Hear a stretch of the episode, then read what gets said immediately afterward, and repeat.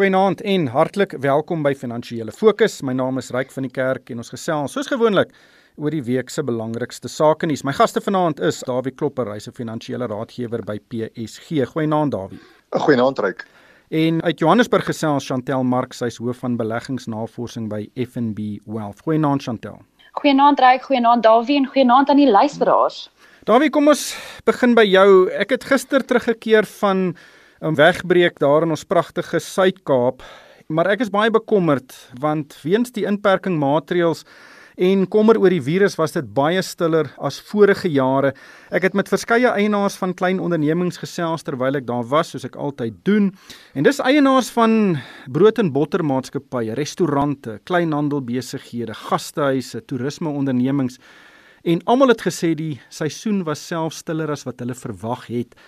Nou my indruk was dat daar omtrent 'n derde van die normale ekonomiese aktiwiteit was en dit sal seker van besigheid tot besigheid verskil. Maar vir my staan dit uit dat hierdie besighede is baie baie bekommerd. Nou die groot verskil van hierdie ronde van inperking maatreëls teenoor die eerste ronde verlede jaar is dat daar nou baie min ondersteuning vir hierdie ondernemings gaan wees en die president het dit selfs in 'n onderhoud hierdie week gesê. Hy het gesê daar's net nie geld om na klein en middelslag ondernemings te gooi nie. En as daar nie pragmaties gedink word nou nie, kan hierdie ondernemings wat letterlik nog aan hulle vingernaels vasklou om oorlewing dalk daardie stryd verloor en dit kan 'n baie baie groot uitkring effek op ons hele ekonomie hê. Ryk inderdaad, ek het self in die Suid-Kaap vakansie gehou en dieselfde waargeneem as wat jy nou genoem het dit is inderdaad vir daardie besighede en dan waarskynlik dwars oor die land um, baie moeilike tye. Ons het ook gesien dat die minister van klein sake het nie die baie van die fondse wat beskikbaar was om vir klein besighede beskikbaar te stel dit daarin geslaag om daardie geld uit te beskikbaar te maak nie en uit te deel nie. En dan en dan weet ons nou dat die staat se finansies is in 'n baie baie slegte posisie. Daar is eenvoudig nie geld nie. Ons het dit gesien ook met die aankope van die enstowwe dat daar op die oog af dan nie fondse beskikbaar was om betalings te maak om die enstowwe te bekom nie en om dan nou nog hulppakkette verder uit te deel om hierdie besighede te te laat oorleef. Dis een ding om die geld beskikbaar te hê, maar die tweede ding natuurlik die bekommernis oor die korrupsie wat met die eerste ronde hulppakkette ehm um, geld het en geheers het dat dit weer 'n keer sal posvat as dit begin beskikbaar gestel word en dan ook nog die hele proses van om die geld effektief by mense uit te kry. Dit is al daardie goed wat 'n rol speel en wat onsekerheid skep en dit is so broodnodig dat hierdie besighede wat 'n klomp mense in diens het as mens dit bymekaar tel. Elke klein besigheidjie het 1, 2, 3, 5, 6 mense in diens en as daardie besighede onder druk kom, dan het dit ook 'n verdere impak op ons baie slegte indiensname syfers soos wat dit alreeds ehm, 'n um, baie groot probleem in Suid-Afrika is. Chantal, wat het jy gesien? Ja, kyk, ons was in die Oos-Kaap gewees en dit was baie soortgelyk.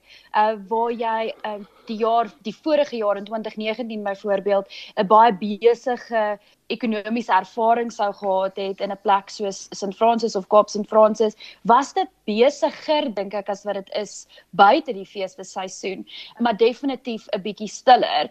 Ek het 'n goeie vriend wat 'n 'n restaurant het hierso in Johannesburg. Hy het natuurlik gesê dit, dit Desember was 'n klein bietjie meer besig hier, so mense het definitief nie noodwendig op vakansie gegaan nie, maar nou in Januarie is dit doodstil. En dit is nou maar net my persoonlike ervaring, maar soos wat ek op die oomblik in Johannesburg rond beweeg, kan mens sien dat dit is maar stil by die winkels, dit is stil by restaurante en ek dink hierdie gaan die situasie wees ten minste vir die volgende maand.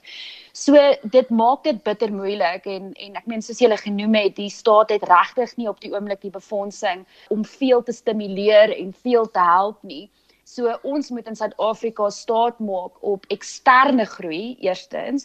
Um, en tweedens ons moet kyk na wat al klaar gedoen is en kyk wat nog nie heeltemal uitgeput is nie. En een van die dinge wat in my kop ingekom het sodra ons hieroor begin praat het, is daai staatsondersteunde lenings wat deur die banke uitge uitgegee kan word wat nog nie ten volle gebruik is nie.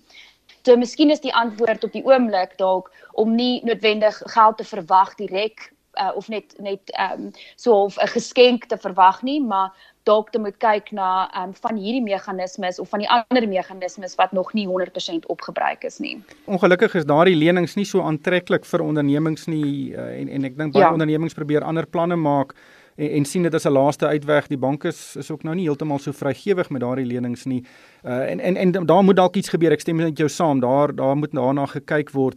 Maar Dawie, net as ons by toerisme bly, gewoonlik in Suid-Afrika sien ons hier einde Januarie, Februarie en selfs in Maart in baie baie internasionale toeriste wat in die verlede na Suid-Afrika toe gereis het. En ons gaan omtrent geen van hierdie toeriste sien nie omdat niemand reis nie. En en dit kan nog 'n verdere impak hê. Dit is beslis so. Ehm um, mense is uitermate bekommerd oor die toerismebedryf en dan ook nie net in Suid-Afrika nie. Ek dink dit is wêreldwyd ehm, 'n um, groot probleem. Oral waar die inperkings geld en waar mense in kwarantyne moet gaan of as hulle aankom by 'n plek dat hulle vir 'n week of twee eers moet hulle self veilig bewys of as hulle met moet bewys dat hulle uh, skoon was of nie die virus onderlede het voordat hulle vertrek nie. Al hierdie goed maak dit baie onaantreklik om te reis. Ek dink dit vir myself, ek wil nie beplan om te reis nou nie want ek weet nie of die vakansie gekanselleer gaan word nie of ek die vermoë gaan nie om in 'n ander plek aan te kom nie. Wat gaan die situasie wees? En so ek beplan eerder nie om dit te doen nie. Ek stel dit uit. Ek dis alles 'n geval van ek dink daar's onsekerheid in die lug en mense wil nie nou hulle self verbind tot reisplanne nie. Ons sien dit selfs net as mens net nou dink aan die rugby toer van die Britse Lions wat later vanjaar Suid-Afrika moet kom besoek. Hoeveel van daardie mense wat nou al sou planne maak, maak dit net nie eenvoudig nie nou nie en begin te pleit dat die toer byvoorbeeld moet uitgestel word met nog 'n jaar of die die reeks moet uitgestel word met nog 'n jaar. Al hierdie goed is aan die gang. Die Olimpiese spele in in in Japan, wat moet daar rondom gedoen word? Ek sien daar is al voorspoorts voorspraak gemaak van dat die Olimpiese spele heeltemal uitgestel moet word en eers in 2024 aangebied moet word in Japan byvoorbeeld en dat al die ander beplande Olimpiese spele dan aangeskuif moet word. Sulke planne word nou gemaak om verby hierdie probleem te kom van toerisme, toerisme wat so 'n belangrike bedryf wêreldwyd en dan ook in Suid-Afrika is, um, is op op is op sy knieë. Chantel, hoe sien jy 2021? Wat dink jy gaan gebeur? Ek dink in die eerste 3 maande van die jaar gaan dit baie soortgelyk voel as wat dit laas jaar tydens die inperking gevoel het en ek meen ons ons ons ervaar dit reeds nou in Januarie. Ek dink die verandering gaan kom as ons regtig vorentoe beweeg in terme van die inentings en die entstowwe en dit beskikbaar maak in Suid-Afrika. Ek dink ook jy gaan 'n situasie kry waar jy kan byvoorbeeld op 'n vliegtyg klim kom ons sê Frankryk toe mits jy die entstof gekry het. En hierdie jy gaan dalk 10 teen 1 met 'n uh, met 'n met 'n toep of met 'n uh, stukkie papier moet rondloop om dit te bewys. En dit gaan nie net wees om op 'n vliegtuig te klim nie, maar ek dink dit gaan ook uh wees om byvoorbeeld na 'n sportbyeenkoms toe te gaan. So dit hang als af van hoe vinnig ons hierdie kan uitrol. En as dit in teen die middel van die jaar uitgerol is, kan mens dalk nog die tweede helfte van 2021 red van 'n toerisme perspektief af en teen teen ook van 'n ekonomiese aktiwiteitsperspektief af. Uh so dit alles hang maar net af van hoe hoe vinnig en effektief ons dit wêreldwyd kan toepas, want hierdie is nie net 'n Suid-Afrikaanse probleem nie. Ek hoop jy's reg.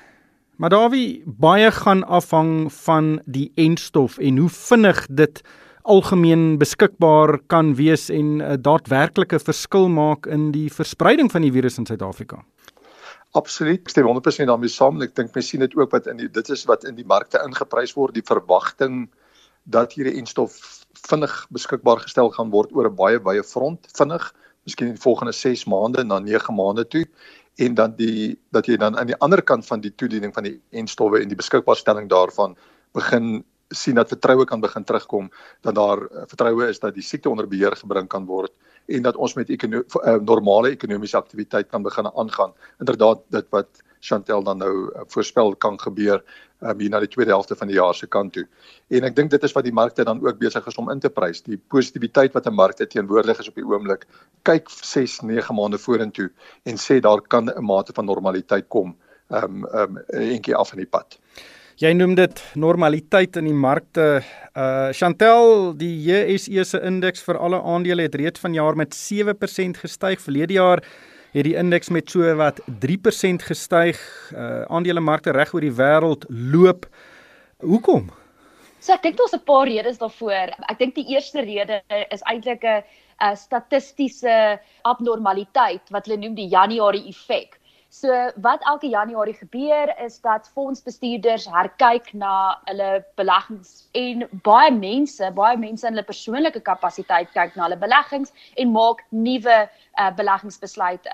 So jy kry daai tipe van vloeye uh, wat wêreldmarkte ondersteun. Dan natuurlik is daar ook is dit ook redelik stil in Desember soos wat almal op vakansie gaan. So jy kry die volumes deur in die mark ook. Ek weet in Suid-Afrika is volumes nog redelik dun.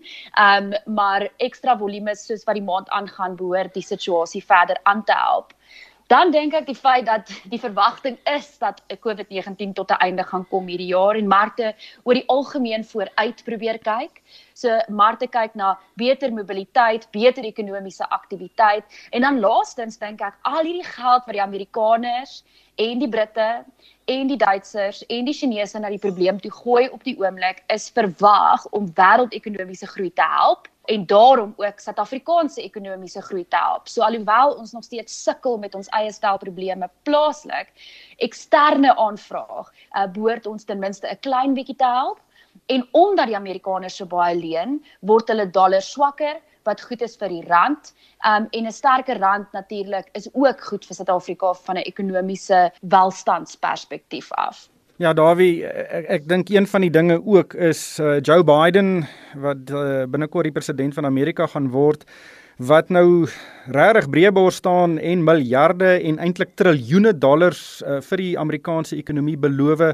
Is dit so eenvoudig dat daardie beloftes genoeg is om aandelemarkte so te jaag, op te jaag? Ek dink dis wat ons moet sien wat in die afgelope sedert Maart maand en April maand gebeur het, was dat al hierdie hulppakkette het inderdaad daartoe gelei dat markte positief daarop gereageer het op hierdie invloed van likwiditeit. Ehm um, baie lae rentekoers wat daarmee saamgepaard gegaan het en dit was dan 'n perfekte resep gewees om die markte te ondersteun. So hier's nog van dit op pad en ek dink mense moet insê minstens aanvanklik gaan dit dan nou positief wees vir die markte dat daar nog likwiditeit kom eers wel is waar gaan die markte tog begine vra hoeveel ruimte is daar om verder hulppakkette uit te deel as dit sou nog nodig wees. Wat gebeur as die hulppakkette opdroog? Want dit is mos nou die teendeel as dit van tevore die markte ondersteun het en dit is nie meer beskikbaar nie, wat dan? Wat gebeur as daar tog as gevolg van al die, al hierdie ondersteuning wat in die markte gebied word en inflasie begin optel, wat gebeur as rentekoerse dan moet begin verhoog word om die inflasie probleem weer hok te slaan, kan dit dan wel in in die ander kant van hierdie vergelyking van positief kan dit omdraai na negatief toe omdat daardie ondersteuning ontneem word vir die markte om dan aan te hou styg gaan maatskappy winste weer moet skerp begine toeneem. Maatskappy winste in Amerika het skerp gedaal hier van die middel van die jaar af na waar ons nou staan van 'n vlak van omtrent kom ons sê maar 140 af na 100 toe en in die proses het aandele opgegaan so markwaardasie het baie skerp gestyg as dit dan die geval was dat die winste onder druk gekom het. So die winste gaan moet begine styg om die markwaardasie te regverdig. As die markwaardasie enigstens normaliseer in die geval van die S&P 500 af van 'n vlak van 38 keer na 22 sy langtermyn gemiddelde toe en die winste kom nie deur nie, dan moet die impak wees dat die markte onder druk kom ja, hier's 'n korttermyn effek, maar mens moet begin ook langer termyn kyk na die einde van die jaar toe en kyk hoe herstel maatskappy winste want dit kan as dit nie genoegsaam is nie daartoe lei dat die markte weer onseker word en en die nuwe normale vlak van winste begin inprys wat dalk dan negatief vir markte kan wees. Ja, Chantel, die aandelemarkte is nie 'n barometer vir die welstand van ekonomieë nie, maar uh, dit is tog baie afhanklik van ekonomieë om winste te genereer en uh, baie kommentators sê nou daar is 'n borrel aan die vorm nou ek wil vir jou vra hoe as daar 'n borrel is hoe groot is hy en hoe naby is dit aan die naald O, oh, kyk, ek dink daar's definitief 'n uh, 'n mate van 'n borrel besig om te vorm, maar ek dink die borrel is veral gekonsentreer onder die tegnologie aandele.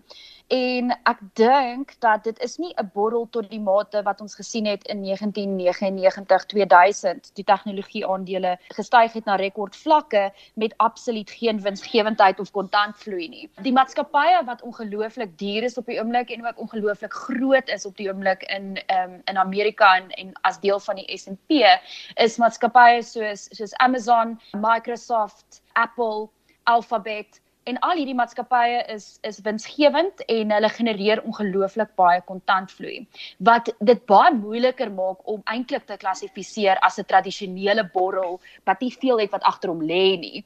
Ek dink die groot pop van hierdie spesifieke of bars van hierdie spesifieke borrel kan net kom soos Dawie genoem het as as rentekoerse begin styg. Ek dink dit gaan die deurslaggewende faktor wees wat gaan veroorsaak dat markte onder baie druk gaan kom ek sien daar is nou deesdae 'n bietjie meer gesprekke in terme van inflasie en wat inflasie gaan gaan bring na die mark toe.